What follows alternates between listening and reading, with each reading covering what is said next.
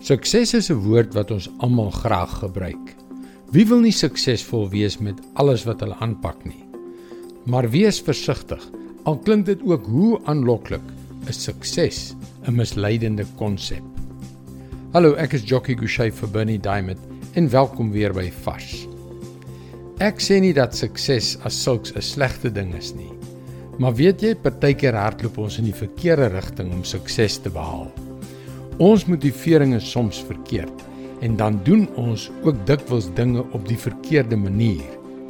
Dit is hoe ek vir jare gedurende die eerste helfte van my lewe geleef het en ek beveel dit beslis nie aan nie. Maar weet jy dat dit aan die ander kant goed is om hard te werk vir die Here, om sy roeping te gehoorsaam en om onder sy leiding en in sy krag ons uiterste bes te doen. So sal ons dan sy plan tot sy eer tot vervulling sien kom. As ons na die Ou Testamentiese geloofshelde, Jesaja, Esegiel, Job en ander kyk, is dit maklik om hulle met alles wat hulle bereik het as suksesvol te bestempel. Maar wat het hulle spesiaal gemaak? Kom ons kyk na Jakobus 5 vers 10 en 11.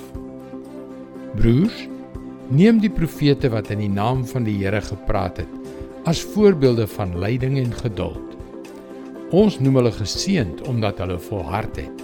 Julle het gehoor van die volharding van Job en julle het gesien waarop die Here dit laat uitloop het. Die Here is immers ryk aan barmhartigheid en ontferming. Met ander woorde, die sukses wat ander mense raak sien, is net die tippie van die ysberg. Onder die oppervlak lê harde werk, volharding, laatnagte verwerping, opoffering, dissipline, kritiek, twyfel, mislukkings en risiko's. Dis hoe sukses in die koninkryk van God lyk. Maar onthou, dit wys ons net elke keer hoe vol genade en liefde die Here is. Dis sy woord vars vir jou vandag. Onthou, indien jy na vorige vars boodskappe wil luister, hulle is ook almal beskikbaar op ons potgooi.